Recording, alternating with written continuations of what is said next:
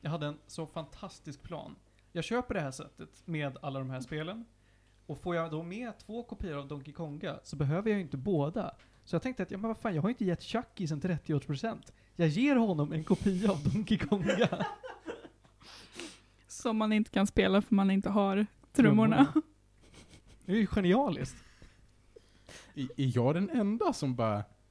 För check var så här, om ni inte orkar skaffa en present, swisha för att hjälpa mig köpa mitt Switch. Och jag bara, okej. Jag swishade honom, nu kommer jag på. Mm, nu är det också. Jag tror jag gav honom 350 spänn eller någonting. Så i grund och botten behöver du dina två kopior av Donkey Konga. Jag vet inte hur de sakerna samspelar, men det är mycket möjligt att jag behöver två kopior av Donkey Konga. Ja. Jag har ju lagt mitt eh, Wii nu i, eh, i, vad heter det? det heter Soporna där det hör hemma. I källaren. Ja men alltså jag har ju ingen användning för ett GameCube om jag inte skulle skaffa mig en, en sån här eh, Game Boy Player. Men jag har ju ett Game Boy så att jag behöver ingen Game Boy Player. Jag har, Alltså så här, det är ju bättre att jag har ett Wii som jag kan spela mina GameCube-spel på. mm. Just nu argumenterar du för dig själv för att ingen säger emot dig. Nej, men, ja, ja, det är sant. Men jag är. Jag har också börjat överväga att om jag ska flytta mitt Wii U som ligger under TVn till ett förråd eller någonting, för den har jag inte startat på, ja så här fem år typ, eller någonting. Jag visste inte ens att folk ägde Wii U. Liksom Jag som en en- grej, utan jag trodde bara det var en så ironisk grej typ. Det som, är, det som är generellt för mänskligheten Julia, det kommer du lära dig när du blir äldre, det är att vi begår misstag. Jag är nog den enda jag känner som har Wii U, men jag var glad ändå, det var roligt. Ja men den är ju bra, man kan ju spela Wii-spel på den. Ja men precis. För det är ju bra. Ja, ja men det finns faktiskt Wii-spel som jag desperat, eller förlåt, Wii U-spel som jag försökt, desperat försökt Mm. få tag på till en annan konsol, men de släpps ju aldrig. Varför Alltså- finns inte Pikmin 3 till Switch? Det gör Va? inte det va? Nej. Alltså, jag köpte Wii U för att spela typ Donkey Kong, och så släpptes det sen på Switch, så det var så här. eh. Men eh, det finns det. Jag tycker ändå Wii U har ett, ett fåtal pärlor som är faktiskt riktigt bra spel. De ska ju remastera Wonderful 101, som ska, jag har inte spelat det, men det är också något så här Wii U-spel som Platinum har gjort som ska vara jättebra och sånt där. Mm. Mm. Ja, och de håller ju på och sakta men säkert migrerar från alla 3DS och Wii U-spel till Switch. 3DS också. Ja, men många. Jag ska inte säga alla. Jag sitter och väntar på Majora's Mask-remaken, för jag, fortfarande- jag hade spelat Majora's Ma- Majora's Mask, det är typ det jag missat, och sen så finns det en remake, jag har ingen 3DS, så jag kan inte spela. Ändå kan Vad sad. En vacker Mm. dag. jag. Mm. Jag blir lite så här sadistiskt upphetsad när jag hör någon säga ordet Wii U och ordet superbra i samma mening. jag vill bara... Panos, Ja. du äger ett Xbox One. Och det är lite det. Fantastiskt. Jag har fått så mycket mer användning av mitt Xbox One på ett och ett halvt år än vad jag har fått av mitt Wii som jag köpte en massa spel till och använde host host i typ sex år. Hade du den som så här te, tekopp eller vad hade du? Jag kallar det tefat med det. Vilket? Wheat. Alltså typ. Nej men, nej men så här, jag, jag vet inte. Jag, jag tycker bara... Det gick snabbt ut. Men kan du inte tejpa upp det på en vägg och ha som conversation piece? Ett upptejpat Wii. I princip halv. alla skäms för mycket för att låtsas som att de ser weed. Men varje gång du ser ett Wii så vet du att du också har ett Wii som ligger någonstans. Och skammen den kommer tillbaka. Verkligen. Men jag känner att jag har nog spelat allt på Wii som är värt att spela på Wii. Jag kommer inte på någonting som är såhär, åh det här skulle jag skaffat mig. Det, jo, det skulle vara No More Heroes. inte det Wii? Tvåan är väl det i alla fall va? Eller? Ettan också? Jag tror ettan också. Men det känns också som att de sakta men säkert hamnar någon annanstans. Ja. Att de, de blir säkert, hamnar säkert på Switch. sen. Ja. Jag tycker Wii var en bra konsol. Jag, vet inte, jag hade, det var min första hemkonsol, så jag hade väldigt mycket minne från den. Twilight Princess och Galaxy-spel tror jag. Hörde du några rykten om alla den här 3D Mario-remakesen? Sunshine Mm. Remake, allt det där? Det skulle vara väldigt trevligt. Jag har sett folk som har här, gjort om banor i Sunshine i Unity, bara, eller förlåt, var det, nej det var Unreal. Med Ray Tracing? Ja. Ja, jag Det såg är det. så jävla snyggt. Åh, det är så snyggt. Man Oh. bara... "Arr." Och så vet man, när det kommer på Switch kommer det inte vara lika snyggt. Nej, jag vet ja. Jag laddar upp för det här för jag kommer få motstånd. Ehm, Motstånd. tror ni Nintendo någonsin kommer göra en ordentlig konsol? Alltså på riktigt? Alltså vadå, där de Jag vet verkligen... de minmaxar prestanda. Nej men där det finns prestanda. Alltså man vill ju drömma, men jag vet inte. Det som är så magnifikt sorgligt med Switch är ju att folk har rootat det för att kunna köra Android och det kör bättre på Android. För att inte bara är det sketen hardware, den är också inte optimerad i sitt natur naturliga tillstånd. Jag tänker så här, att den kommer aldrig bli en sån mästerkonsol, men jag tror att Nintendo skulle kunna göra en produkt som är ungefär som en iPhone. Att den gör det den ska, är jävligt bra och är väl optimerad för sin mjukvara. Men den kommer inte vara starkast på marknaden. Jag tror inte Nintendo vill det. Alltså så här, jag använder min Switch mer än typ alla mina konsoler tror jag. För att den är så, ja, det är bara starta upp den när som helst, spela lite grann. Alltså det är liksom en, jag vet inte. Jag tycker det känns som att det här är deras format de har byggt på typ tre generationer och nu äntligen har de liksom fulländat det. Och gjort några riktigt bra spel till det. Så att, eh, jag vet inte, jag tror inte de bryr sig. Jag tror inte de vill liksom göra ett, alltså tävla med Xbox och Playstation. De har liksom inte intresse av det. De vill bara göra sin egen grej liksom. Och det. Jag är så pass allergisk mot saker som kommer ut i 720p att jag får nässelutslag av att hålla i ett Switch. Alltså det, det går inte. Jag har aldrig sett Panos och Twitch i samma rum. Det är jag som är Switch. och här kommer introt.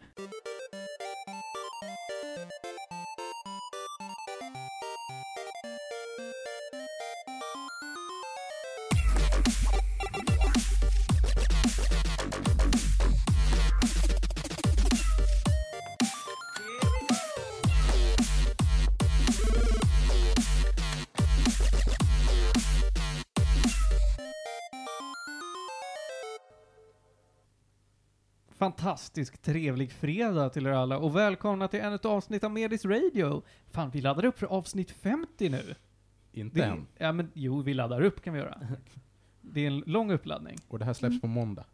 Ja, men, men det, då är det fredag. Okej då. Jo. Idag är det fredag, det är den eh, fe, 17 17, 17 april 2020 och vi sitter som vanligt i mitt vardagsrum slash kök och spelar in och har det bra. Eh, idag har vi en ny gäst med oss och det är vårt nya mixerbord. Välkommen! Tack för, Dun, att, dun, dun, dun. tack för att du kom hit. Ja, vi går vidare i programmet. Vi ska snacka om en eh, hel del mysiga grejer idag. Vi har eh, bland annat en grej som vi har skjutit på rätt länge. Jag och Julia har spelat Horizon Zero Dawn. Skjutit på, skjutit på, vi har glömt det. Nej, Ja. vi har haft det på agendan och sen kommer vi aldrig till det. Men nu ska vi börja med det. Eh, vi ska även prata om eh, Watchmen. I stort egentligen, men framförallt då om nya HBO-serien. Som eh, alla utom Panos har tittat på. Jag jobbar på det. Det är okej. Vadå, du jobbar på det som att du faktiskt har tittat lite? Jag, jag jobbar på det som i, det är den nästa grej jag kommer Mm. titta på i serie.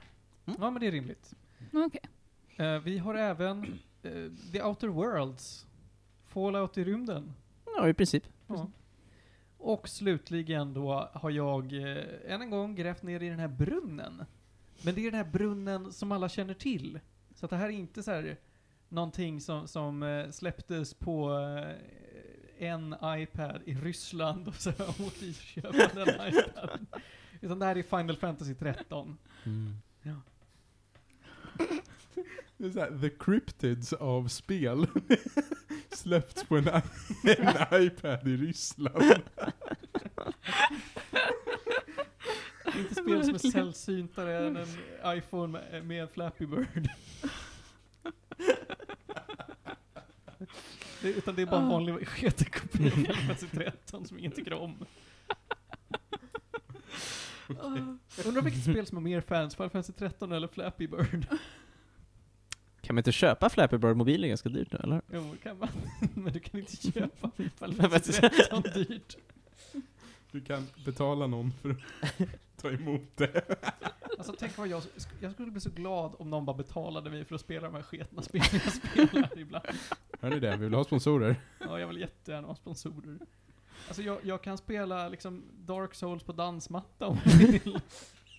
Men får pengar. Martin, du ska bli... Du får bli så här professionell recensent för SVT, då får du spela. Jättegärna. Jag ville bli recensent för Kamratposten när jag var liten, men det fick jag inte. Åh. Kära KP. Jag vill recensera Flappy Bird. Jag läste, alltså jag, var så arg på alla de här KP-recensionerna, för det är typ, ja men här har vi Sly Cooper Collection. De har spelat 20 minuter av ettan. Jag bara, Hade de spelrecensioner i KP? ja, det hade de. De hade Wow. recensioner av album, film och böcker och spel. Jaha. Sen Så slutade de väl med album när album inte var någonting man köpte i fysiskt format. Men om ni vill veta hur Enyas näst senaste album var så kan ni gå in i någon KP-tidning och kolla. Alltså det, vet, det är alltid så konstigt hur de väljer att lägga upp sina recensioner. Alltså, för att de recenserar ju saker som passar målgruppen. Så att det är någon som skriver in och bara Varför så recenserar ni aldrig Call of Duty? Nej, det är inte rätt målgrupp.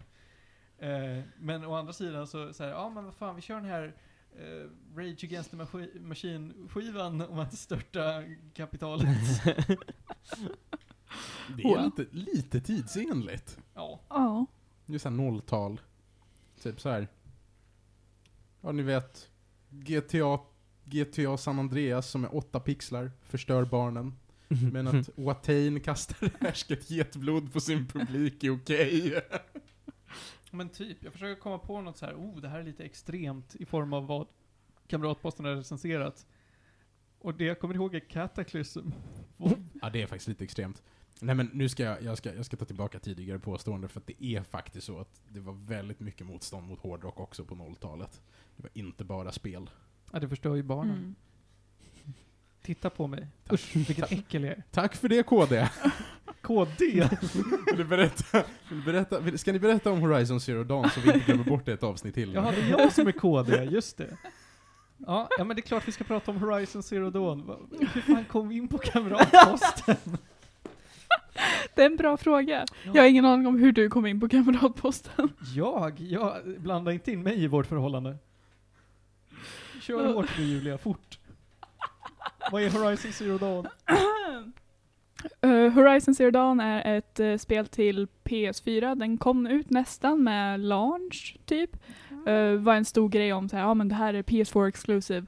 Mm. Så det är post, postapokalyptiskt. Um, man är en ny civilisation som liksom börjar växa ifrån att allting gick käpprätt åt helvete. Helt enkelt. Så man spelar som Aloy. Um, en random tjej som inte har någon klan typ. På grund av I en värld där alla lever i typ förhistoriska klaner men använder lite modern teknologi ibland för att det finns spår av det. Ja. Och det finns också storstäder. Ehm, så man är jägare och ska liksom ha ihjäl stora metallmonster typ.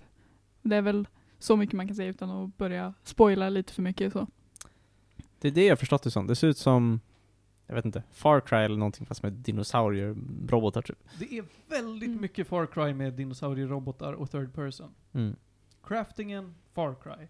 Combaten, lite coolare än Far Cry, men mycket Far Cry. Mm. Questsen, hoj vad Far Cry. Men fler. Mm. Alltså jag har funderat ganska länge på att spela här, men det har alltid varit någonting som bara, för jag, jag gillar inte Far Cry, och det är så här.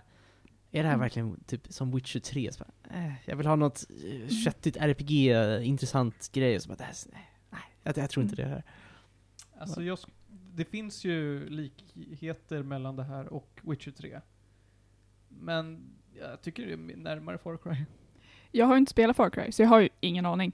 Ehm, men jag tyckte det var så här, ja men de så här, duttar i lite story lite när som helst för man kan plocka upp så här echoes from the past. Um, så det är typ som att plocka upp datapads fast virtuella, I guess. Um, och de har liksom ja, cutscenes och så, så lite RPG är det ju. Men det är ju ändå mycket så här, ja men man skjuter ner monster och ser cool ut medan man gör det typ. Och hur man skjuter ner monster och ser cool ut, det kan man göra på ganska många olika sätt.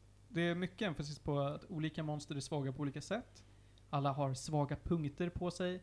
Men det är också mycket så att du kan lägga ut fällor och lura in monster i dem. Vilket är jävligt fett. Men eh, jag som var lite otålig var mer så här, äh, jag springer in guns blazing och snipar alla i luften och ratatatata med bomber. För bomber låter ratatatata. Och det gick bra, det är med. Eh, det, man känner sig jävligt cool när man liksom eh, placerar ut tripwires nedanför en massa stockar och sen skjuter man på stockarna så att de rullar ner. Och så springer alla djuren in i stockarna eller i din tripwire och då sprängs de och så blir alla glada. Så får du massa poäng.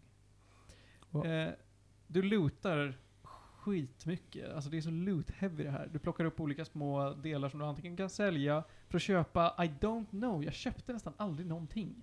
Du köpte väl typ armor? Om jag köpte armor två gånger och sen så craftade jag, eller förlåt, jag gjorde ett quest för att få den bästa armorn i spelet. Mm. Utöver det så var det så här, jag vet inte riktigt vad jag ska köpa. Ammo. Mm. Det finns jättemånga olika vapen, olika vapentyper att slåss med, så det är ju kul för den som gillar att experimentera. Mm. Och sen är all crafting som sagt, det är Far Cry. Men finns det liksom en intressant story här liksom? Eller är det väldigt så här, man bara gör lite quests? Alltså så här, hur, finns det något som driver en framåt i något spelet? Den är intressant, men i mitt huvud, förutom settingen då som jag tycker är väldigt intressant, alltså det är the biggest appeal, eh, det här post postapokalyptiska, eh, så är den väldigt förutsägbar. Ja, definitivt.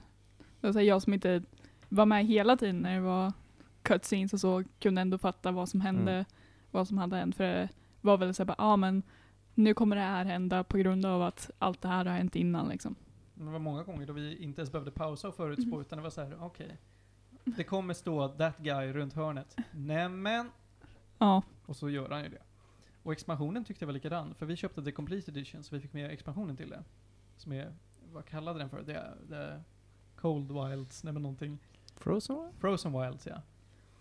Ehm, och det var samma sak. Var förutsägbart, fick en ny vapentyp och en ny typ av currency, lite fler quests. Axelryckning, det var ju trevligt. Alltså gillar man det så, så är det ju bara mer av det goda. Eh, spelet i sig är lite så långt som man vill göra det. Det är ju ganska mycket, finns skitmycket saker att plocka upp. Du kan gå och klättra på stora eh, robotar för att använda som towers, Far Cry. Så du kan se mer av kartan. och se jaktmarker och jaga för att få mer crafting-bitar för att göra dina väskor för ammo och sånt mycket större och bla bla bla bla bla. Eh, Eller så kan du bara springa alla Naruto mellan olika main quest-bitar och nöja dig med det. Det ja. finns många olika svårighetsgrader också. Eh, vilket är, jag tycker är väldigt bra. Man kan välja mellan liksom spelet kör hårt med dig som i gör du fel en gång så dör du, eller baby difficulty. Du Vad kan bli träffad av en atombomb och överleva. Vad körde ni för nivå? Liksom, hur svårt vill ni ha det? Nej, jag gillar ju baby difficulty. Okej. Vilket är jättekul fortfarande eftersom du älskar Dark Souls och Bloodborne och så. Mm, men jag tycker att det är spel som funkar när det är svårt i sig. De är ju designade runt det liksom. De är designade runt det. Det, är helt okej. Varje spel kräver sin difficulty liksom. Här tycker jag det är bra att man får möjligheten. Mm. Det Det, passar, det passar en bredare publik och nu när jag liksom är lite otålig av mig och känner att jag har bättre saker för mig än att vara fast i ett spel sakta men säkert när det inte är som Dark Souls att det är belönande. Då så eh, tackar jag gärna ja till lite baby difficulty så att jag kan gå in i bomber och överleva. Mm. Så tyckte ni det var kul att spela? Eller vad, hur, hur var det som helhet det spelet? Eh, Jag spelar inte så mycket av det själv egentligen, utan jag satt mest med och kommenterade. Men det lilla jag spelade tyckte jag var kul. De hade liksom intressanta mekaniker när det kom till combat just. Ehm, jag märkte att jag var så här förbannat vänsterhänt för det finns um, kontrollerna för pilbåge är att man behöver hålla inne ena knappen och releasa med andra och jag vill Mm. alltid göra precis tvärtom. jag vet inte varför. Eh, så jag här bara, ja ah, men kolla jag är vänsterhänt. Annars så var det liksom rätt intuitivt så, tycker jag. Jag skulle säga att jag är redo att sätta gäddor på det för Mm. Och vi bygga vidare på det. Jag säger något för alla, tre av fem gäddor. Eh, absolut värt priset vi köpte det för. Ja, definitivt. Gud ja. Hur mycket fick ni det för? 149, 179. Jag tror det var något sånt. Det är inte många spel som är för dyra vid 149 spänn. Absolut inte. Alltså det här var en jättetrevlig upplevelse. Jag kanske inte hade velat köpa det för 600 spänn på release. Men, men jag ångrar inte en sekund att jag körde igenom både originalspelet och, och expansionen. Hur många timmar sa du? Tog ungefär? Ja, vad tog det oss? Kom, tog väl kanske 15-20 timmar någonstans. Ja, någonstans där. Det är ganska behaglig längd ändå. Liksom. Ja, Ja. absolut. Ja, men för den typen av spel tycker jag det är alldeles lagom. Den är stor inte som... inte för stor. Mm. Den- Den är inte som Host Host Final Fantasy 13 som vi ska Mm. komma till. Ja, det kommer till. Men ja, det är väl egentligen det vi har att säga. Vill du sätta några gäddor Julia? Jag skulle nog också säga 3 5, 3,5 5. Det är så här. Det var rätt mysigt att sitta och spela liksom. Och bara vara med. Mm. Men det är ju inte ett mästerverk så. Men det är inte så att ni väntar, åh, Horizon 2. Så taggad var jag. Nej. Byggde det? Jo, det bygger ju för ett Horizon 2.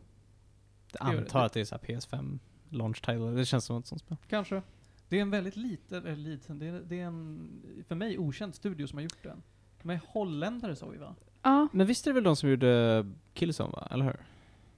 Jag har för mig att det är Ingen de. aning. Gu- Det är möjligt. Det är Gorilla eller vad de heter. Jag är rätt säker på att det är Ja. de. ja. Jo, De gjorde, de, gjorde, de gjorde Killzone, så gjorde de det här helt plötsligt. Ja. Jag har inte kört något Killzone. Nej, inte jag heller. Men det, är väl, det var väl en sån här PS5, eller PS3-spel Ja. exclusive? Jo. Mm. Ja, nej, men då så. Då är vi klara här. Vi går vidare. Vi ska prata om The Outer Worlds. Från, Yes. eh, från postapokalyptiska jorden ut i rymden. Yes. Uh, och inte förväxla med The Outer Wilds, som är ett annat spel, som många tycker är roligt att de heter lika. Uh, Okej, men The Outer Worlds är Obsidians senaste spel. Obsidian är ju en ganska gammal studio nu, som har gjort, som har gjort, vad har de gjort? Knights of the Old Republic 2, de har ju oftast gjort väldigt mycket så här Bioware och uh, Bethesda-spel. Jag tänkte de har gjort Fallout, de gjorde säkert någon Neverwinter Mi- Nights tror jag. Eh, och de, vad heter det, de kommer ju många från Black Isle, som var de som gjorde de originella Fallout-spelen. Eh, så att nu när de fick chansen att göra Fallout New Vegas till exempel, så var det ju väldigt uppskattat. Och det här är väl liksom deras, vad ska man säga, deras återkomst till den här genren efter att ha gjort väldigt mycket andra spel på senaste tiden. Och det här är inget så här äh, mästerverk eller någonting så. Men det är väldigt kul att spela det, för att jag har inte spelat ett sånt här spel på väldigt länge och jag har verkligen varit sugen på att göra det. Ett, liksom ett väldigt härligt RPG-spel, bra dialog, mycket val, mycket så här karaktärer och sånt där man kan verkligen kötta sig in i. Och jag har lagt ner typ 40 timmar på det här spelet. Och jag har haft jättekul. Alltså så här, det, Är, är du klar? jag är helt klar med det. Ja, men då så. Jag fick, ja jag har fått slutet, jag har inte gjort alla sidequests, men typ de jag tyckte var intressanta. Och jag är väldigt nöjd med min tid. Alltså så här, det är liksom, det är inget ny, det är verkligen inget nyskapande. Det, är- det, är, det är verkligen Fallout New Vegas i rymden med mycket, lite, li, lite finare grafik, men annars är det inte så annorlunda. Eh, det utspelar sig i Halcyon, som är en ny, ett nytt solsystem, som det här, jag kommer inte ihåg när riktigt, men det är så här några hundra år framåt i tiden tror jag. Och det är så att jorden har koloniserat olika solsystem, och Halcyon är ett av de yttre kolonierna, the outer worlds. Uh, och här har man det, bosatt sig på ett antal olika planeter, det finns uh, Terra 2, som är liksom jorden typ. Den är fin, det är ganska nice där. Sen finns det Monarch som är en ganska hemsk planet, massa farliga grejer, och så finns det lite månar och sånt där. Eh, och spelet utspelar sig liksom i det här solsystemet, främst på de planeterna, men du får åka till lite små ställen också. Och eh, det man ska säga här är att det här är som en, vad ska man säga, en dystopisk så här, äh, inte riktigt cyberpunk, men det är så här företagen har tagit över allting typ. Det är så att hela Mm. spelet bygger kring hur företagen har liksom styr allas liv, typ den första stan du får komma till så får du träffa folk som liksom så fort du pratar med dem så säger de sin företagsslogan typ, för det liksom, ja, det är någon som håller på att dö, bara, nej vänta! Och så säger de så ah, oh, it's not the best choice, it's Spacers choice. Så, "Ah." Mm. Eh, och det är, mycket, det är ganska så intressant värld, liksom, kapitalism? Alltså det är såhär kapitalistisk en dystopi typ, och det är såhär Ta självmord så får de andra böter för det är liksom vandalism typ mot företag, property och sånt där.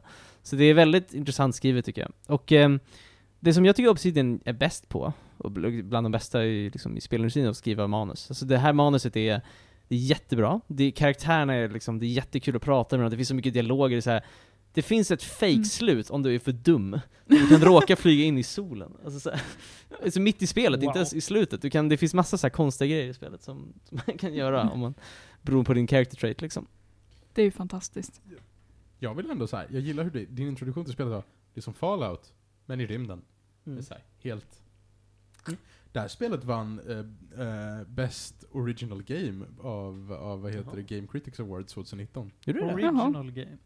Ja, Ny IP liksom, eller? jag vet. Hmm. Vä- vä- vä- väldigt intressant. Vä, vä, vä, vä, vä. Nej men jag tänker också så här, Game Critics Awards är ju de som delas ut efter E3. Det visas väldigt många konstiga spel på E3 för att folk gillar att sticka ut. Ja, det var innan Ja. det kom ut alltså? Eh, Kanske. Mm, för det kom ut i november någonting tror jag. Ja, men det, då kan det till och med ha vunnit innan det kom Mm. ut. Hmm. Inter, in, interest. Hmm. Ja, nej men fortsätt. Eh, dystopi. Men alltså så här, problemet för mig, jag tyckte också med New Vegas egentligen är att det, det är väldigt kul att interagera och levla och allt det där, men det är ganska, det är inte så mycket att upptäcka. Alltså det, spelet är inte som Fallout att det är en stor värld, utan det är lite mer som Mass Effect, utan du har ditt skepp, du har ditt crew, du har liksom, du kan plocka upp lite nya medlemmar då och då, de har till och med loyalty missions. Inte lika Mm. bra som Mass Effect 2, men du har ändå så att du bygger upp verkligen lojalitet med dina, alla dina kollegor. Men det problemet är att alla de här planeterna är liksom, även om de är lite större, är inte så stora, och de är inte så roliga att upptäcka heller. De är liksom, jag får väldigt mycket Borderlands-känsla bara. De är liksom som areas, typ. Det känns, jag vet inte, det är lite svårt att köpa att det är en riktig värld. Tyvärr, på samma sätt som det går liksom väldigt lätt att sätta sig in i manuset och storyn, så är liksom, det känns nästan som två olika spel, att du liksom du verkligen sätter dig in i allting, och sen så går du runt och skjuter allihopa med dina vapen, och det är väldigt lätt också, du levlar väldigt snabbt, så att du blir väldigt stark. Så att så här, Mm. rent mekaniskt är det okej. Alltså det är, helt, det är kul i början, sen så blir det lite tråkigare. Det finns liksom ett level-system med perks som är okej. Det, det är inte så roligt liksom, det blir inte så mycket mer än det från början. Så att det är liksom, det är ett ganska långt spel, så du kommer göra rätt mycket combat, och tyvärr så är den liksom den är okej, den funkar, det är liksom, den är okej, men det är liksom inte lika bra som de andra delarna liksom. Men jag vet inte, annars hade det väldigt kul. Alltså så här, det är många roliga areas man får komma till, många roliga karaktärer och jag vet inte, mycket så här, mycket roliga quest och sånt där liksom. Mm. Eh, sen så också, jag har ju faktiskt aldrig spelat klart nu Vegas, jag borde väl testa det göra någon gång, men Fortfarande inte? nej, jag har aldrig orkat göra. Men gud, det som är så bra. Ja, jag borde verkligen försöka det. Men det här spelet påminner om det också, att det finns ju massa factions, och det handlar väldigt mycket om, då är det här för spelet till istället olika företag, vad de tror, tycker om dig, och det finns massa olika företag, och det handlar väldigt mycket om hur slutet spelet slutar och sådär liksom. Så att det påminner väldigt mycket på New Vegas i den aspekten, att du gör någonting för något företag, och så, så blir de andra lite sura på dig och sånt där liksom. Typ, jag råkade, Alltså jag vet inte ens om det var mitt fel riktigt, men jag, jag råkade döda en person som jag skulle prata med, för hon, hon literally blackmailade mig att göra en ond grej och bara Jag är inte en ond person. Hon bara Jag bara nej, hon bara du har inget val. Jag bara Jo då, så skjut, sköt jag henne i huvudet och dödade alla hennes vakter. Och sen Au. vände sig hela liksom stan mot mig, så jag kunde inte göra mina quests som jag hade kvar där, för de bara Jag skulle gå till questgiver och bara DIE! Och så bara sköt de mig, så att det liksom Jag hade, jag hade liksom, jag var Jag vet inte, vi hade liksom den sämsta relationen med det företaget som ägde den staden, så jag bara okej Jag får gå och göra någonting annat någonstans istället Eh, ja. Sen så vet jag inte, mycket looting, inte så intressant. Jag tror jag använde bara stimpacks som är typ health. Det fanns massa andra grejer du kunde äta och dricka kaffe för att bli smartare och grejer, men det är såhär, nej, man behövde inte riktigt det. Så det, Mm. rent RPG-mässigt så var det lite väl grunt kanske, jämfört med många andra tidigare spel tycker jag. Men det är så, jag vet inte, jag lade ner 40 timmar på det, jag hade jättekul liksom. Så jag, tyckte, Mm. jag är väldigt taggad på en uppföljare, jag tycker det är en bra värld de byggt upp. Det är väldigt spännande att se om man kan göra mer liksom. Och Mm. sådär. Så, det är typ det. Jag skulle gärna vilja sätta upp en radio eller någonting som från Fallout. Det är lite sådana grejer jag saknar. Kanske lite för likt, men eh, ja, annars var det nice. Coolt. Jag höll på att säga, om du vill spela Fallout kan du ju alltid spela Fallout. Ja men det är det. Och, New Vegas finns ju där. ja. Men det är så, om du spelar Fallout nu och inte spelar Fallout 76 så kan du spela Outer Worlds istället. Ja, men det är sant. Det är sant. Om man är... Fallout 76 kan man inte spela. Nej. Hade inte de släppt någon så här, jag vet inte om jag ska kalla det för expansion, men Ja, jättepatch nu? Någonting som gjorde det ändå lite bättre vad jag vet. Ja, men jag har ändå hört att den blev döratad. Ja. Just det, eh, Outer Worlds också, vad jag vet, den första asexuella karaktären jag någonsin stött på tror jag, ett spel. Hmm. Som är en av dina oj, companions, väldigt intressant. Jaha. Coolt. Är man definierat asexuell? Uttryckligt liksom. Jag vet inte om de har gjort det, men hennes loyalty missions handlar om att du ska liksom sätta upp en date med en tjej hon är intresserad av typ. Och det är väldigt implicit, jag tror kanske aldrig att de har sagt det, men jag tror utvecklarna har sagt det eller någonting. Huh. Mm. Mm. Ja, men då så. Ja. Vill Nej, du men- ge gäddor? Ehm, jag tror, alltså, den får nog en åtta ändå tror jag. Inte en jättestark åtta, men ändå för hur mycket kul jag fick ut av den här tiden liksom, så absolut. Jag köpte den för fullpris, vilket var inte jättevärt tror jag. Jag var väldigt sugen på att köpa det, kostade 650 spänn på Epic Game Store. Och gistarna. Oh. Ja, så det, eh, nu kan man köpa på Steam tror jag. Jag tror de släppte på Steam nu. Det var ju, eller inte. Eh, I vilket fall, det är, jag vet inte, man kanske kan vänta lite om man inte är jättesugen på det. Jag köpte det på release och, och spelat det sen dess liksom, så att, ja. Men starkt rekommenderat om man, om man gillar den sortens spel liksom. Man vet lite grann vad det är för någonting. Ehm, väldigt mycket roliga, mycket rolig dialog och sånt där liksom. Mm. Toppen. Jag rekommenderar. Ja, nej men då så. Outer Worlds alltså. Nu hörni, nu ska vi gå raskt vidare. Panos, du eh, vässar gaddarna. Ja. För nu ska vi prata om Watchmen. Mm. Och vi har ju alla Ja. olika erfarenheter av Watchmen. Eh, Panos, du har läst komikern. Ja, och tittat på Sett filmen. filmen, Och sett filmen. Och detsamma gäller dig Felix. Ja, såg filmen först, sen läste jag komikern, sen sett om filmen. Ej. Va, hur, hur var det? Alltså jag visste inte Watchmen, alltså jag- min historia med Watchmen är att pappa hyrde den någon gång när jag var liten, för det vilket var, vi gjorde det förut. Och han bara 'Åh, superhjältefilm' bara 'Nice' så såg jag, jag bara "Äh, vad, vad är det?' Jag tyckte verkligen inte om den när jag var liten. Eh, Och jag har, så här, jag har många filmer jag minns från min barndom när jag såg den var liten som jag inte tyckte om, som bara 'Det betyder nog att jag gillar den bättre nu' Och så har det ofta stämt faktiskt. Det var, Mm. jag såg om den så tyckte jag 'Wow, gud vad cool den är' Eh, Och sen så läste jag väl den och satte mig in i det. Sen så insåg jag nu att jag tror jag tycker mer om komikern än jag tyckte om filmen, för att jag tycker filmen är väl ganska nice, men med comicbooken är ju sjukt bra. Och jag har inte läst comicboken, men jag har sett filmen och nu HBO-serien som bygger vidare från ja, Mm. komikern kan man väl säga. Och jag är här som en liten bebis som har sett typ en tredjedel av serien i förbifarten.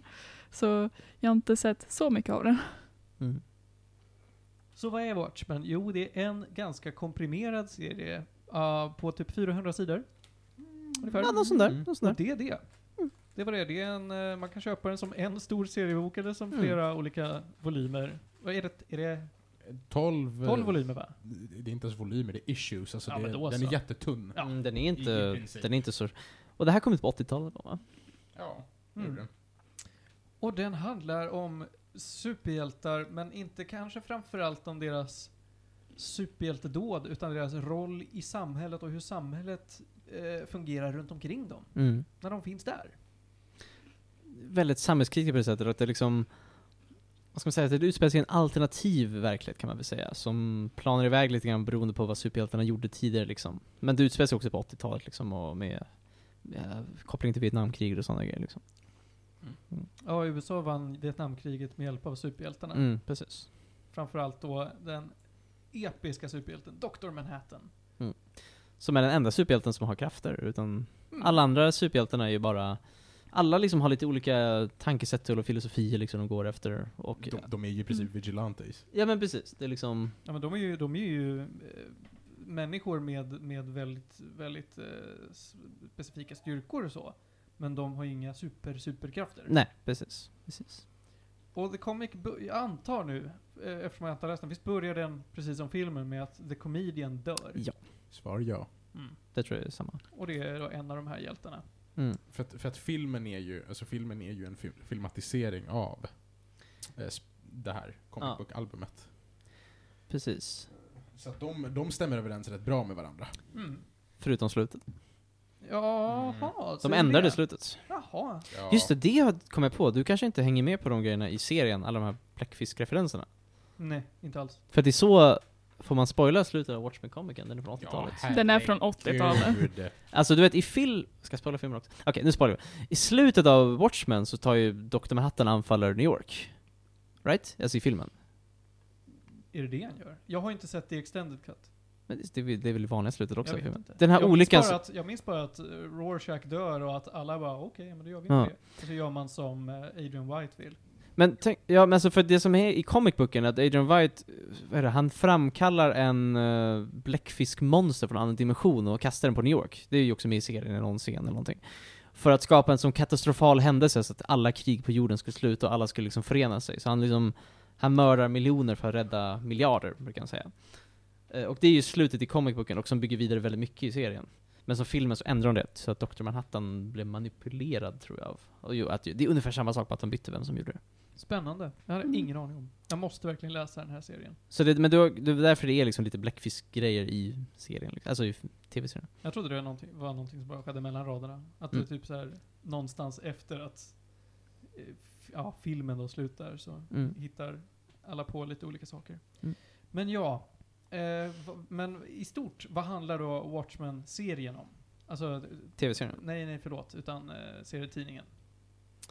Eh, Alltså du det börjar ju, ju med att de utreder Comedians död. precis, alltså du får ju följa, vilka är de huvud... Det handlar ju om liksom de som är med i Watchmen, och Watchmen i sig är ju, det är som Avengers, det är som ett superhjältegäng som gör, eh, ja, hjälps åt lite grann liksom. Och de är, nu ska jag säga, det är... jag det kom- kommer inte ihåg så många. Det är Comedian, The det är Comedian, Dr. Ror- Manhattan, det är Rorschach. Night Owl och Rorschach. Och Silks- det finns fler. Silk Spectre, Ozymandias, snälla det. nån. Ozymandias, är det någon till? Nu ska jag glömma också säkert någon. Det finns ju också, det finns en massa, Minutemen var de tidigare generationer och bla, det finns ju massa sådana grejer. Men Det är de jag kommer på nu i alla fall Nej, tror jag. det, det, ni, ni har fått med alla. Det är ja, alla, ja, men de, alltså De det refereras till andra, men det täcks ju inte in. Det är bara det här är. Mm. Man får ju inte veta allt om allt. Ja. Eh, och de är ju helt enkelt, de, precis, de försöker lösa vem som mördade comedian och så liksom Nu ska vi se, vad är det mer som händer? De håller på att eh, Alltså man får ju följa Ozymandias och Dr. Manhattan, man får ju se lite backstory till alla karaktärerna och också hur de ska lösa den här konflikten mellan Alltså krigen i världen, alltså de försöker lösa en världsfred. Det man praktiskt sett kommer fram till under serietidningens gång är att A. The Comedian förtjänade att dö Mm. för att han var ett kräk, och B. Hälften av dem är typ galna. Mm. För att det är typ det som krävs för att gå runt i en dräkt och låtsas vara superhjälte i en Mm. mörk, mörk värld. Och det är ju liksom, alltså, precis i, i den sanna stämningen av allt Alan Moore skapar, så är det här inte någonting som lämnar en glad. Mm. Mm. Det är inte så de här historierna slutar. Nej. Det gäller både eh, serietidningen, filmen och tv-serien. Mm. Precis, ingen av de här superhjältarna är ju liksom en traditionell hjälte, utan alla har ju problem på olika sätt liksom, och kommer från olika bakgrunder och sådär. Ja, ingen är ju genomgod liksom. Nej, precis, precis. Vad som jag tycker är så himla intressant är att filmen om Watchmen gjordes ju av Zack Snyder. Mhm. Eh, och The Extended Cut, då, den är rätt lång. Det är nästan fyra timmar va? Ja, men nästan fyra timmar. Han siktade ju på att den skulle vara 22 timmar lång. What? Ja, ja men han ville att, att uh, Watchmen-filmen den ska vara 22 timmar lång. Och såklart sa alla producenter att "Nej, men så kan vi inte göra. Är Rimligt ändå. Det är, eh, det är eh, icke-sovjetiskt beteende, eller på att säga. Nej men det är eh, ingen som kommer titta på den. Mm. Herregud, hur ska vi sälja biobiljetter när ingen kan se en 22 timmar lång film? Mm. Men skitsamma, säger han. Gör en, en eh, lång cut och sen så får jag släppa hela filmen i sig. Jag vet inte om de spelade in hela, men han fick inte som han ville. Mm. Och det är lite synd, därför att den här filmen är ju lite hackig på sina ställen. Det, det är en bra film, men det är många gånger då jag tycker att någonting saknas. Det känns som att Zack Snyder kollade på den, alltså comicboken, och bara jag ska göra exakt allting i den här. Även den här piratdelarna som är lite udda i originalkomikern. Och det är, det är så han gör film alltid. Mm. Och sen så kommer alla producenter och säger att nej, så får du inte göra, och sen blir det inte Mm. överdrivet bra. Det är lite det som är problemet Ja. med Zack Snyder, att han gör ingenting eget, utan han är jätteduktig på att adaptera, eh, men han kan inte samarbeta med andra.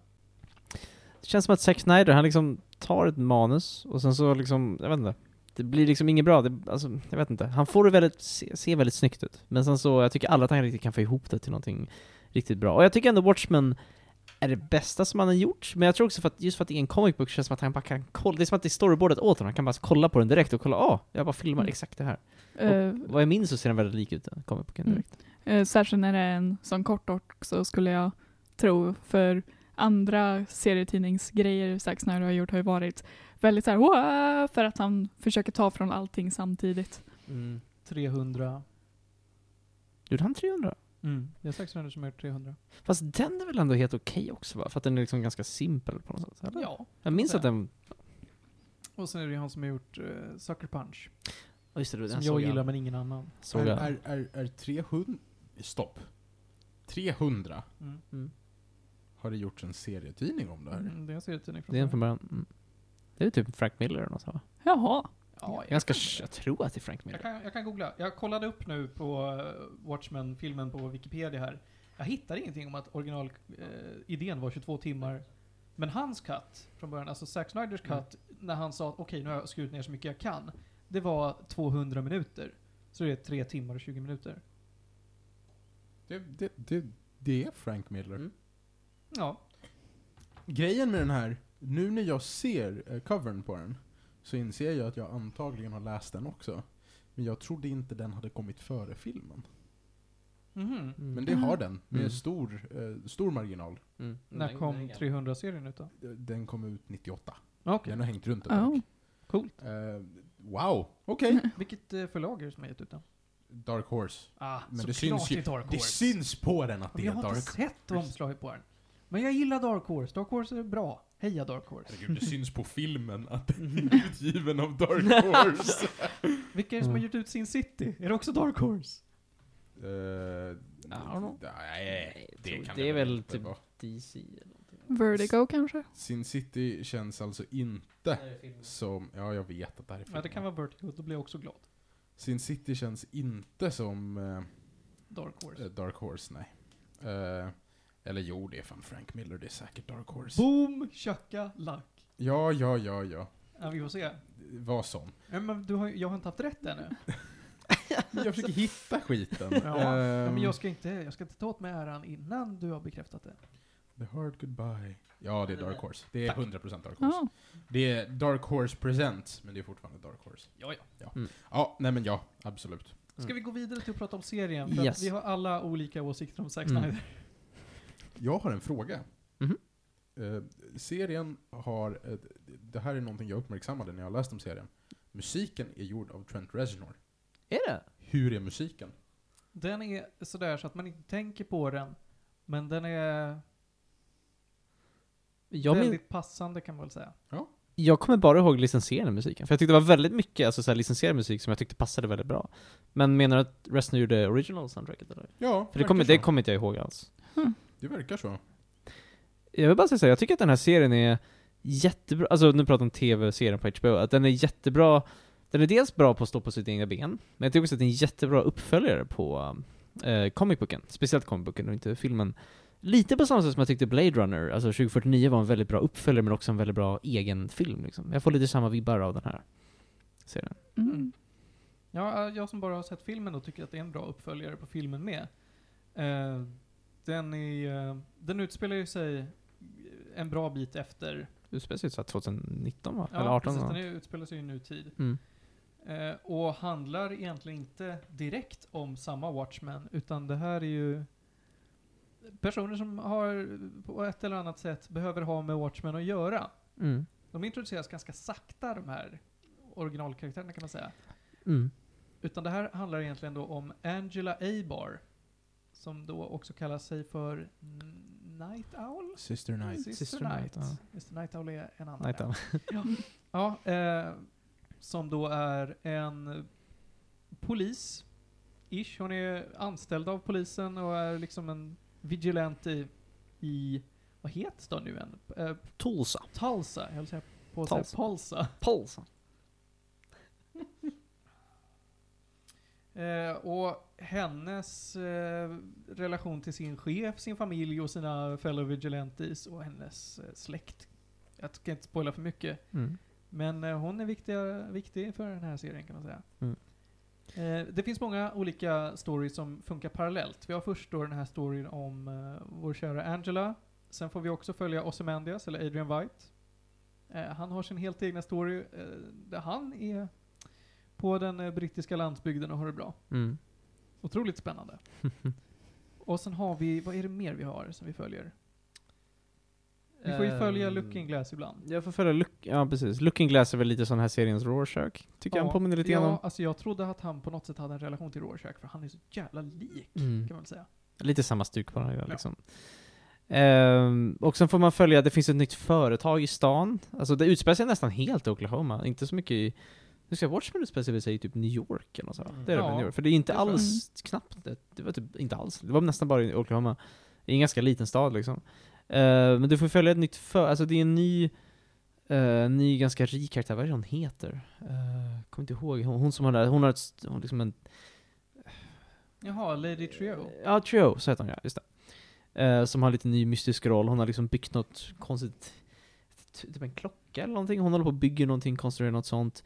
Alltså den här serien är ju, den är gjord av David Lindelof, som gjorde bland annat uh, The Leftovers och sådana serier, så han gillar ju liksom när det är väldigt mycket trådar hela tiden och det är såhär, oj vad hände här? Det här får du inte veta förrän om jättelänge. Så att det, det är en serie som den är väldigt, alltså så här, den liksom, de första avsnitten förstår man inte så mycket och sen så långsamt så faller liksom poletterna ner på massa olika trådar och så att det till slut liksom slår sig ihop allting väldigt bra. Det är också han som gjorde Lost. Vilket, Är han också? Okej. jag, jag tänker mig att det kanske funkar bra för plattformen som är Watchmen. Jag tycker det funkar jättebra verkligen. Alltså så här, den är Alltså jag tycker att den börjar väldigt bra, men den blir liksom bara bättre och bättre, och vissa avsnitt är helt otroliga. Alltså så här, bara hur de... Jag, jag tyckte bland de, jag vill inte säga för sig några, men några av de mittenavsnitten tyckte jag var jätteintressanta, som var karaktärsspecifika, var jättecoola. Men jag tycker bara allting knöts ihop jättebra. All, alla grejer som de la upp fick payoffs och liksom det... Till skillnad från Lost. Men Men typ. ja, det är väldigt snyggt hur de lyckas bolla alla de här storiesarna och relationerna och trådar då Mm. med varandra och ändå knyter ihop säcken på ett väldigt bra sätt. Mm. Jag tycker efter varje avsnitt så bara wow, det var väldigt coolt, jag är jättetaggad till nästa avsnitt, men jag tycker jag är ändå nöjd liksom. Det är inte bara cliffhangers för att det är coola cliffhangers, utan att det liksom allting är logiskt och liksom, det är coolt liksom. Mm. Vill du veta något coolt? Det vore kul att veta. Looking Glass Mask. Mhm. Den är helt CG. Va? Japp. Är den Mm. det? För att det inte ska visa kameran. Det är alltså en, en mask som Oh, eh, just det. är gjord i ett reflekterande material. Ser ut Mm. lite som silver, aluminium, någonting. Ehm, sen är det också delvis för att de hittade inget material som var reflexivt nog. eh, som också man kunde trä över huvudet. Ehm, så det var liksom så här, vi kan inte sätta en spegel på honom för att Då kvävs han. Mm.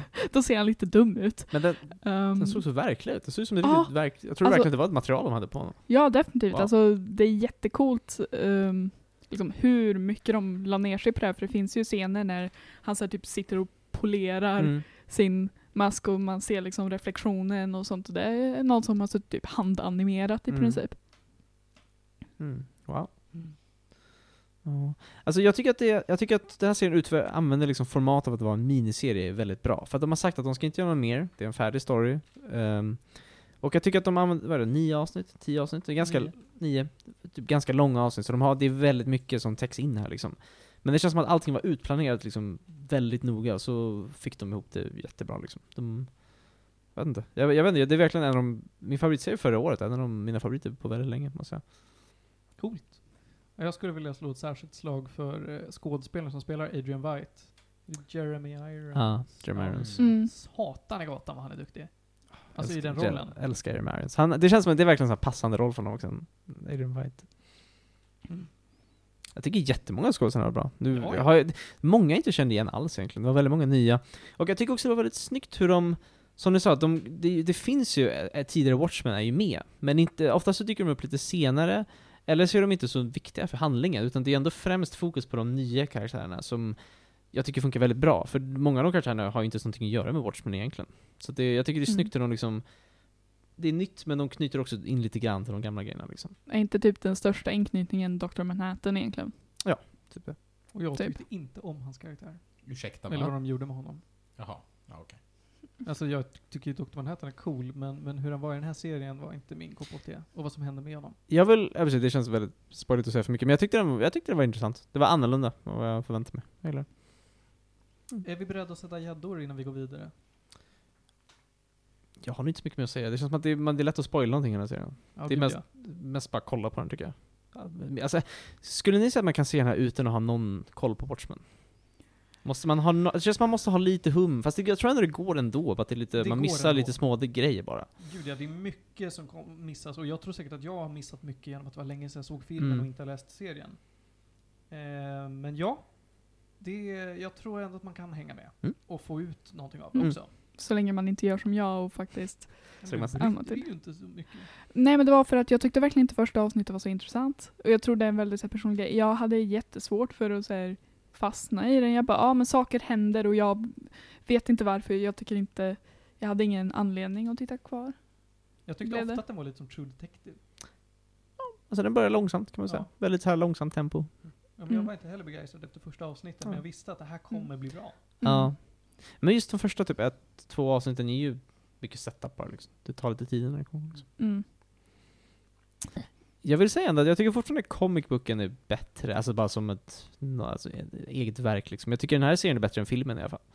Den är också, den är Mm. originell liksom. Filmen är ändå en sämre version av comic booken, medan det här är något som kan stå på egna ben liksom, på sätt tycker jag. Och det är väldigt kul också. Nu är jag taggad att nästan läsa om comic booken och sen se om serien och se liksom hur, om man hittar ännu mer min små grejer som hänger ihop liksom. Sånt där. Det, är- Mm. det är väldigt kul. Och nu tar vi så till gäddor. Felix, du får börja. En nia.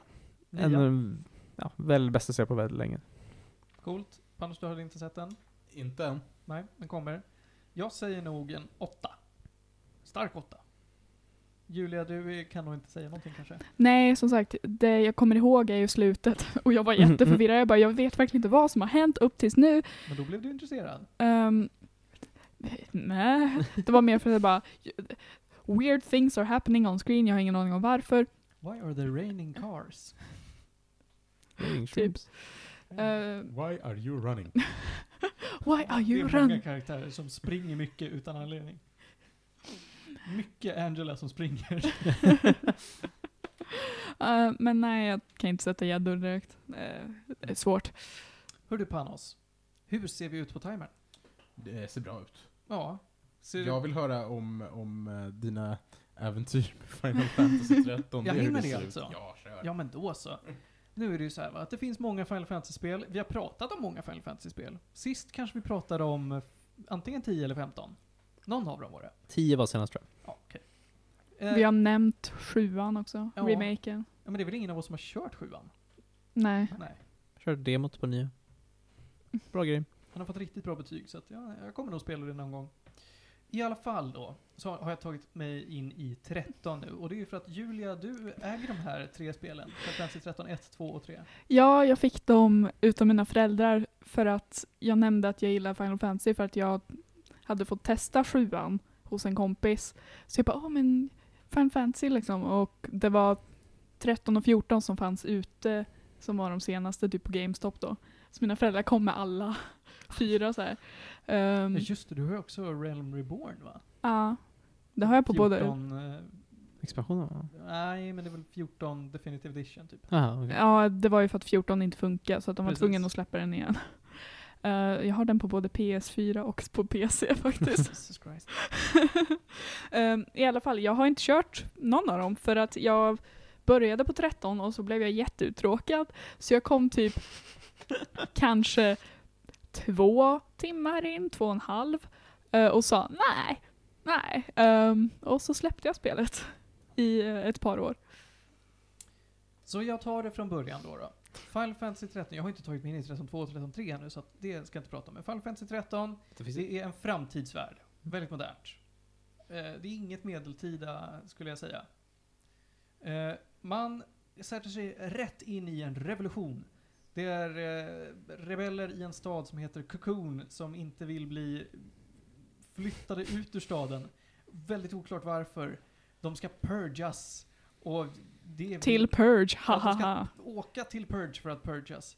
Vad Purge är, jag vet inte riktigt. Det finns någon typ av faktion, eller stad, eller båda, som heter Pulse. De är dumma. Det finns gudar som heter Fal Si. De Mm. kan vara både onda och goda. Sen finns det. Lessi, som inte är gudar, utan det är människor som är branded av Falsi, som kan göra magi. Och de kan man också se som oftast onda. För they are enemies of Cocoon. Och det är något jävla stort rabalder kring det. Jag, jag är fortfarande ganska lost. Det handlar om sex personer som då blir eh, insyltade i varandra. Några av dem har liksom relationer till varandra, några bara hänger med för skojs skull. Eh, och alla de här blir lössi, så att de får magiska förmågor. Och alla i hela världen hatar dem därmed. Så att därför så eh, försöker de att på sina olika sätt eh, Ja, jag vet inte riktigt vad deras mål är, men, men de är revolt. Det gör de, de revolterar. Några, alltså alla har ju sina personliga mål. Men det, det, ja, men det är väl eh, störta staten. I guess. Inte för att man vet att den är ond, utan det är så här, men vi har inget bättre för oss. Eh, de karaktärerna kan man säga vad man vill om. Jag tycker nog att de är ganska bra. Faktiskt. Jag, jag tycker om karaktärerna. Mm. Folk har varit lite on the fence om det där. Det finns många som tycker att det här är ett bra spel. Men de flesta gör nog inte det. Och det förstår jag varför. Är det här spelet Lighting Ja, är med i? va? Lightning Ah, är okej. första eh, liksom huvud, huvudkaraktären. Det är här man spelar som alltså? Äh, man spelar som alla. Det spelar, okej. Ja, man kontrollerar alla. Alltså, det, Inte bara ett party jag, alltså? Jag kommer till det här. Ja, ja, förlåt. Man är inte ett party för det mesta. En, vid en viss punkt i spelet, det finns 13 kapitel, jag är på kapitel 10 nu, nu har jag ett party. 10 kapitel in. Innan dess så kontrollerar man liksom successivt ena lilla klicken av folk efter den andra. Ibland är man själv, ibland är man två, ibland är man tre. Eh, kul eller inte. Det- Om jag säger så här, karaktärerna i sig är, är liksom helt okej. Gameplayt, oj fan vad tråkigt det är. Det är väldigt linjärt som ni varnade mig om, men det är inte mitt problem. Att man går liksom en, från en punkt till en annan och alla går tillbaka, det, det är jag fine med. Det är ju framförallt combaten som är så tråkig. Det ser ut att vara väldigt free-flowing, men det är som eh, Final Fantasy 6 eller 5 eller någonting. Att alla agerar i någon typ av ordning och den baseras på hur snabbt en mätare laddas upp. Panos, du ser så jävla uttråkad ut. Alltså jag, Final Fantasy kan ge mig sömn för alltid. Ja, men du, du sa precis att jag är intresserad av att höra vad du har att säga. Jag var det och sen började du prata om Final Fantasy. Mm. Det, jag, jag, jag hör vad du säger, Men du skiter i det. men jag förstår bara väldigt specifikt att det här inte var kul. Nej, det var inte kul. Ja. I combat så är det fortfarande turbaserat, men alla rör sig omkring. Det är... Allting är bullet spongy. Det finns ingen mana, utan du har bara hälsa och saker som du kan agera på timer. Så att egentligen så kommer du ha liksom ett flödesschema du använder abilities i, för att Mm. inte dö. Ehm, jag tror att det värsta med combaten också är att väldigt mycket är auto battle. Det är liksom, man väljer inte själv, så det är inte liksom ett ehm, ehm, liksom, eh, turn-based liksom strategy, utan det är man trycker på auto battle och så trycker man på vilken man vill träffa på och så gör den allting åt en. Man kan ju tänka sig att det hade varit trevligt ifall man fick tid på sig att välja sina attacker, men om du inte gör någonting så kommer fienderna fortsätta slå på dig. Så du har liksom inte tid att planera strategin, för då kommer du få spö. Så att jag, i många fall då jag vet att så här, om jag vill generellt göra det här, då trycker jag på auto battle för att jag hinner inget annat. Man kan sitta och spamma X väldigt mycket. Ja, alltså, jag satt med min telefon och spelade Pokémon Masters och spelade Final Fantasy med foten på en boss. Så kul var det att spela. Ja, men ungefär. Och den här bossen också var ju inte svår, men den hade så mycket HP att det tog mig 18 minuter att spöa den. Det var jättetråkigt. Av att sitta och trycka X. Är storyn kul? Nej, den är okej. Alltså den är inte bättre eller sämre än någon annan Final Fantasy. Den är väldigt krånglig. Det var så många gånger när jag var tvungen att sitta bredvid och googla och säga bara okej, men vad är det här för någonting? Ja, det är namnen och factionsen som är konstiga, men Mm. vad som faktiskt händer, det, Ja. är- det, är, det är okej. Men det är just det här att de har flera grejer som heter polls. Och man vet inte vilken de pratar om när de säger det. De bara, ja men alltså det kan antingen vara den här jättestora guden eller så kan det vara stället som heter polls. Och så Who finns det knows? olika typer av lesi. Det är ju Falsi lesi och Pulse lesi och hej och hå. Och Sanctum. Åh, Det är Och som- Sanctum är del av Cocoon, men inte Cocoon. Och det är jättemycket krångligt. Alltså, åh. fan alltså vad vill du säga? Nej, men det som gör mig så jävla bestört är att det här är ett spel släppt i början av 10-talet. Ja, det är släppt Ja. 10. 2009. Nej, I 2009. Japan kanske. Ja, i Mm. Japan 2009. Ja. Men, det här men, spelet kom alltså ut innan Super Mario Galaxy 2. Mm. Det är du. Det är inte så. jag tänkte bara Jag förstår. snarare, det här är inte ett spel, alltså för det, det Man har gjort så mycket fel! Ja, det Ja. har man gjort. Och sen gör de två spel till. Det finns alltså två direkt uppföljare till det här spelet. ja. Eller en i alla fall som är direkt uppföljare. Det tredje heter ju Lightning Returns Final Fantasy 13. Um, Om det, är en direkt uppföljare, det vet jag inte. Jag tror det. det, inte tänkte säga, det. kan jag spoila, men uh, därför att det är en grej med att de typ reser i tiden halvt. Nej. Så att det är en grej med att säga, ja men de är egentligen 500 år äldre än vad de är och ja, det är weird. Eh, får jag bara fråga, visst är det så att Final Fantasy, de är ju alltid, alltså alla numbered entries är helt separata från varandra, eller hur? De är, den här har Mm. ingenting med 15 att göra eller Stämmer. 14 Nej. och så. Fast Är den in- 15 skulle ju vara versus Ja, ja det, det, 13. det är det jag tänkte på också. Men är den intressant, alltså är världen intressant, eller är det bara, man orkar inte bry sig för att det är så mycket grejer som händer? Alltså eftersom att den är så linjär så går det ju i en tunnel. Det är inte som att du får Ja. utforska världen. Nej, det är så. För brukar, alltså jag, jag har inte typ, 15 är väl lite mer öppet va, eller hur? Det Eller? är väldigt öppet. För Där det, har du en massa att utforska. Men mm. det är fint. Tell me about the chocobo. Det They're finns cute. ju, i varje Final Fantasy-spel så finns det tre saker. Det finns Chocobos, det finns Moogles och det finns en person som heter Sid. Ja. Det finns Är, alltid är en den där person med dig. kaktusen? Eh, kaktusen är inte Sid, nej. Ah, okej. Kaktusarna finns nästan alltid med. Ja. Eh, men då, The Chocobos är fåglar. Det är, ser ut som gula strutsar ungefär. Jag, jag vet vad en chocobo är. Ja men till lyssnarna din sås. where they're good chocobos. Det finns några chocobos som man går förbi en kortis, men det finns en baby chocobo som bor i en av karaktärernas hår. Okej. Och den är the Okej. cutest fucking thing I ever seen. Dock så är det lite så här halv att det bor i eh, afron på en, den enda svarta karaktärens hår. Yikes. Det är jätte-yikes. Oh no. Ja, Did eh, done an oopsie. ja. No Japan, no. Jag, jag ska inte säga någonting om, om hur de porträtterar den här personen. Eh, men man får ha en egen åsikt tycker jag.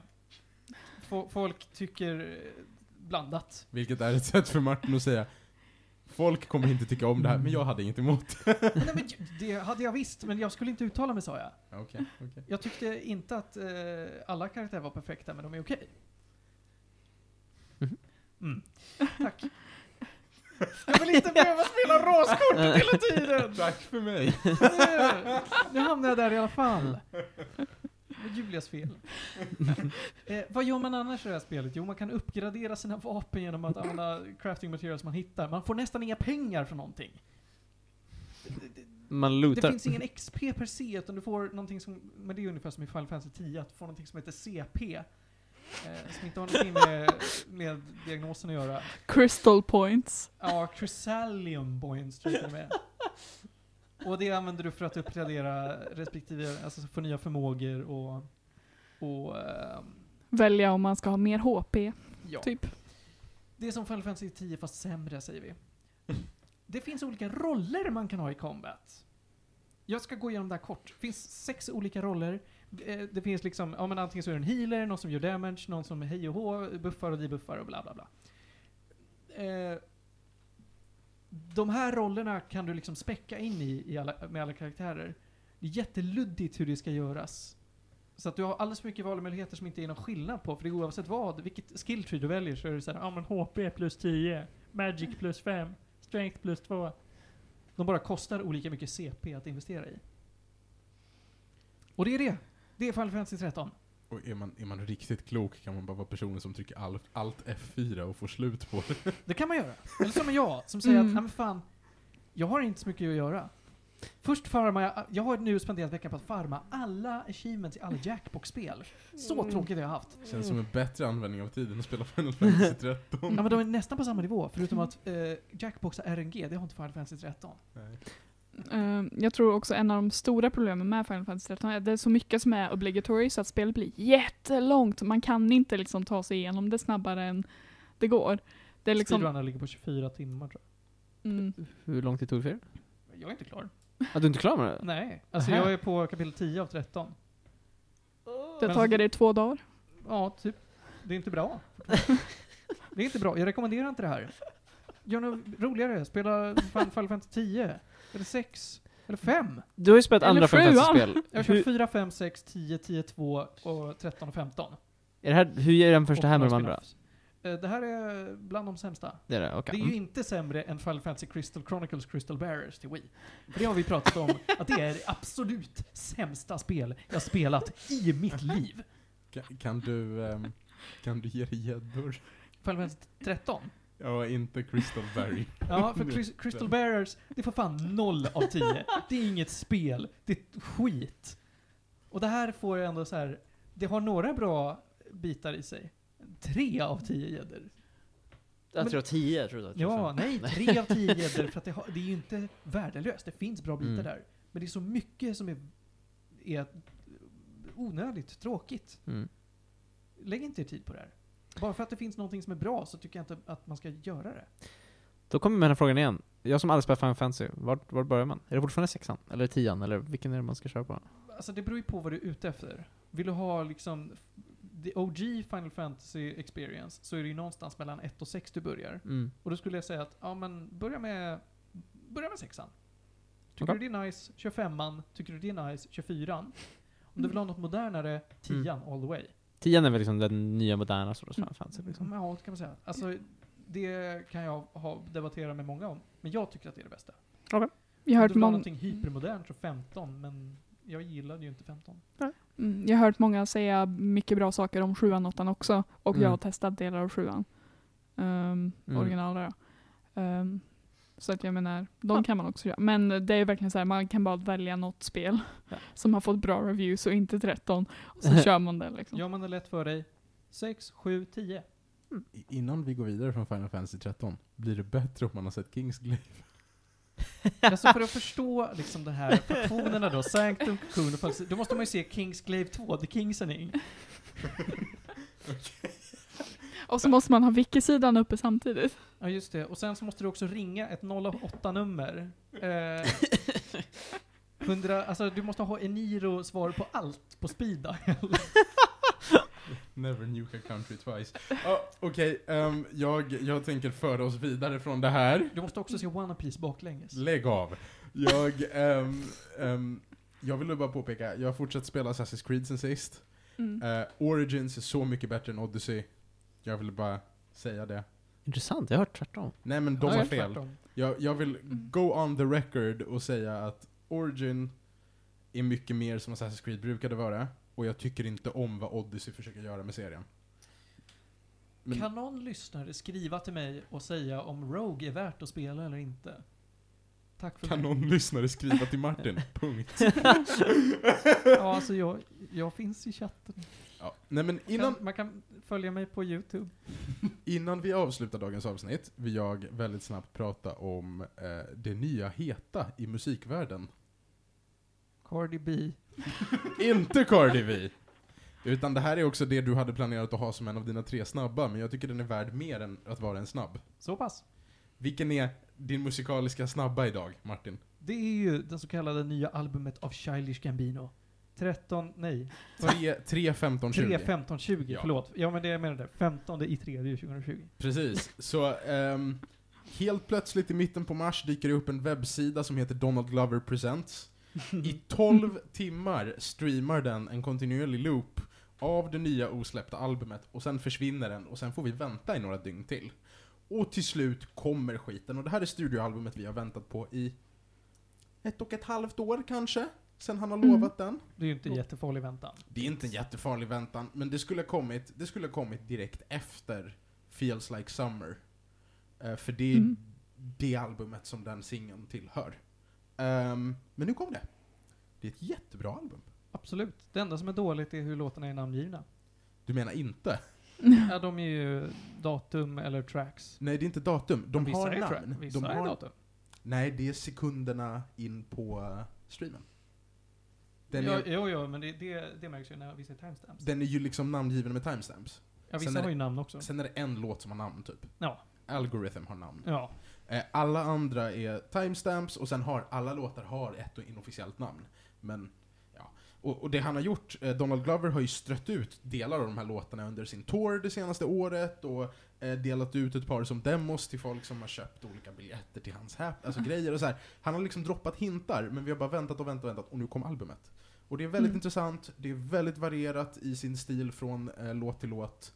Eh, det har redan nått plats åtta på Billboards eh, hiphop rb lista för i år. Eh, det går bra för dem, för att det är ett jävla bra album. Lyssna på det. Mm. Ja, och därför tar vi och går vidare i resten av våra tre snabba den här veckan. Det har jag glömt vad det är. Eh, ja, Punch tittar på mig besviket som vanligt. Det, det är okej. Ja, men det är lugnt. Det är bra snabba. Ja, det är det faktiskt. Eh, Den första snabba är ju det tv-seriemässiga vi har att prata om. Och det är ju Swamp Thing, också på HBO. Mer more. Det är, är det Alan Moore som har skrivit Swamp Thing? Eh, Han har gjort en av de här stora böckerna med serietidningar av- Swamp Thing. Okej. Swamp Thing är också Moores. Ja, precis. Ehm, efter att ha sett liksom Watchmen och hoppa in på det här så det är ju en helt annan typ av serie. Det är mer eh, actionfyllt. Kan man väl säga. Den är fruktansvärt gorig. Ja, det är den. det, är, det är När jag tänker efter. fruktansvärt mycket våld och svordomar och starka karaktärer och hej och hå. Men sen så när jag läste vad serien handlade om så var det så här, det här var inte ens nära hur hemsk serien är. Vänta, eh, comic alltså? Ja, Ja. alltså komikern. Det här är, den här serien innehåller inte incestvåldtäkt. Ah. Det gör serietidningen.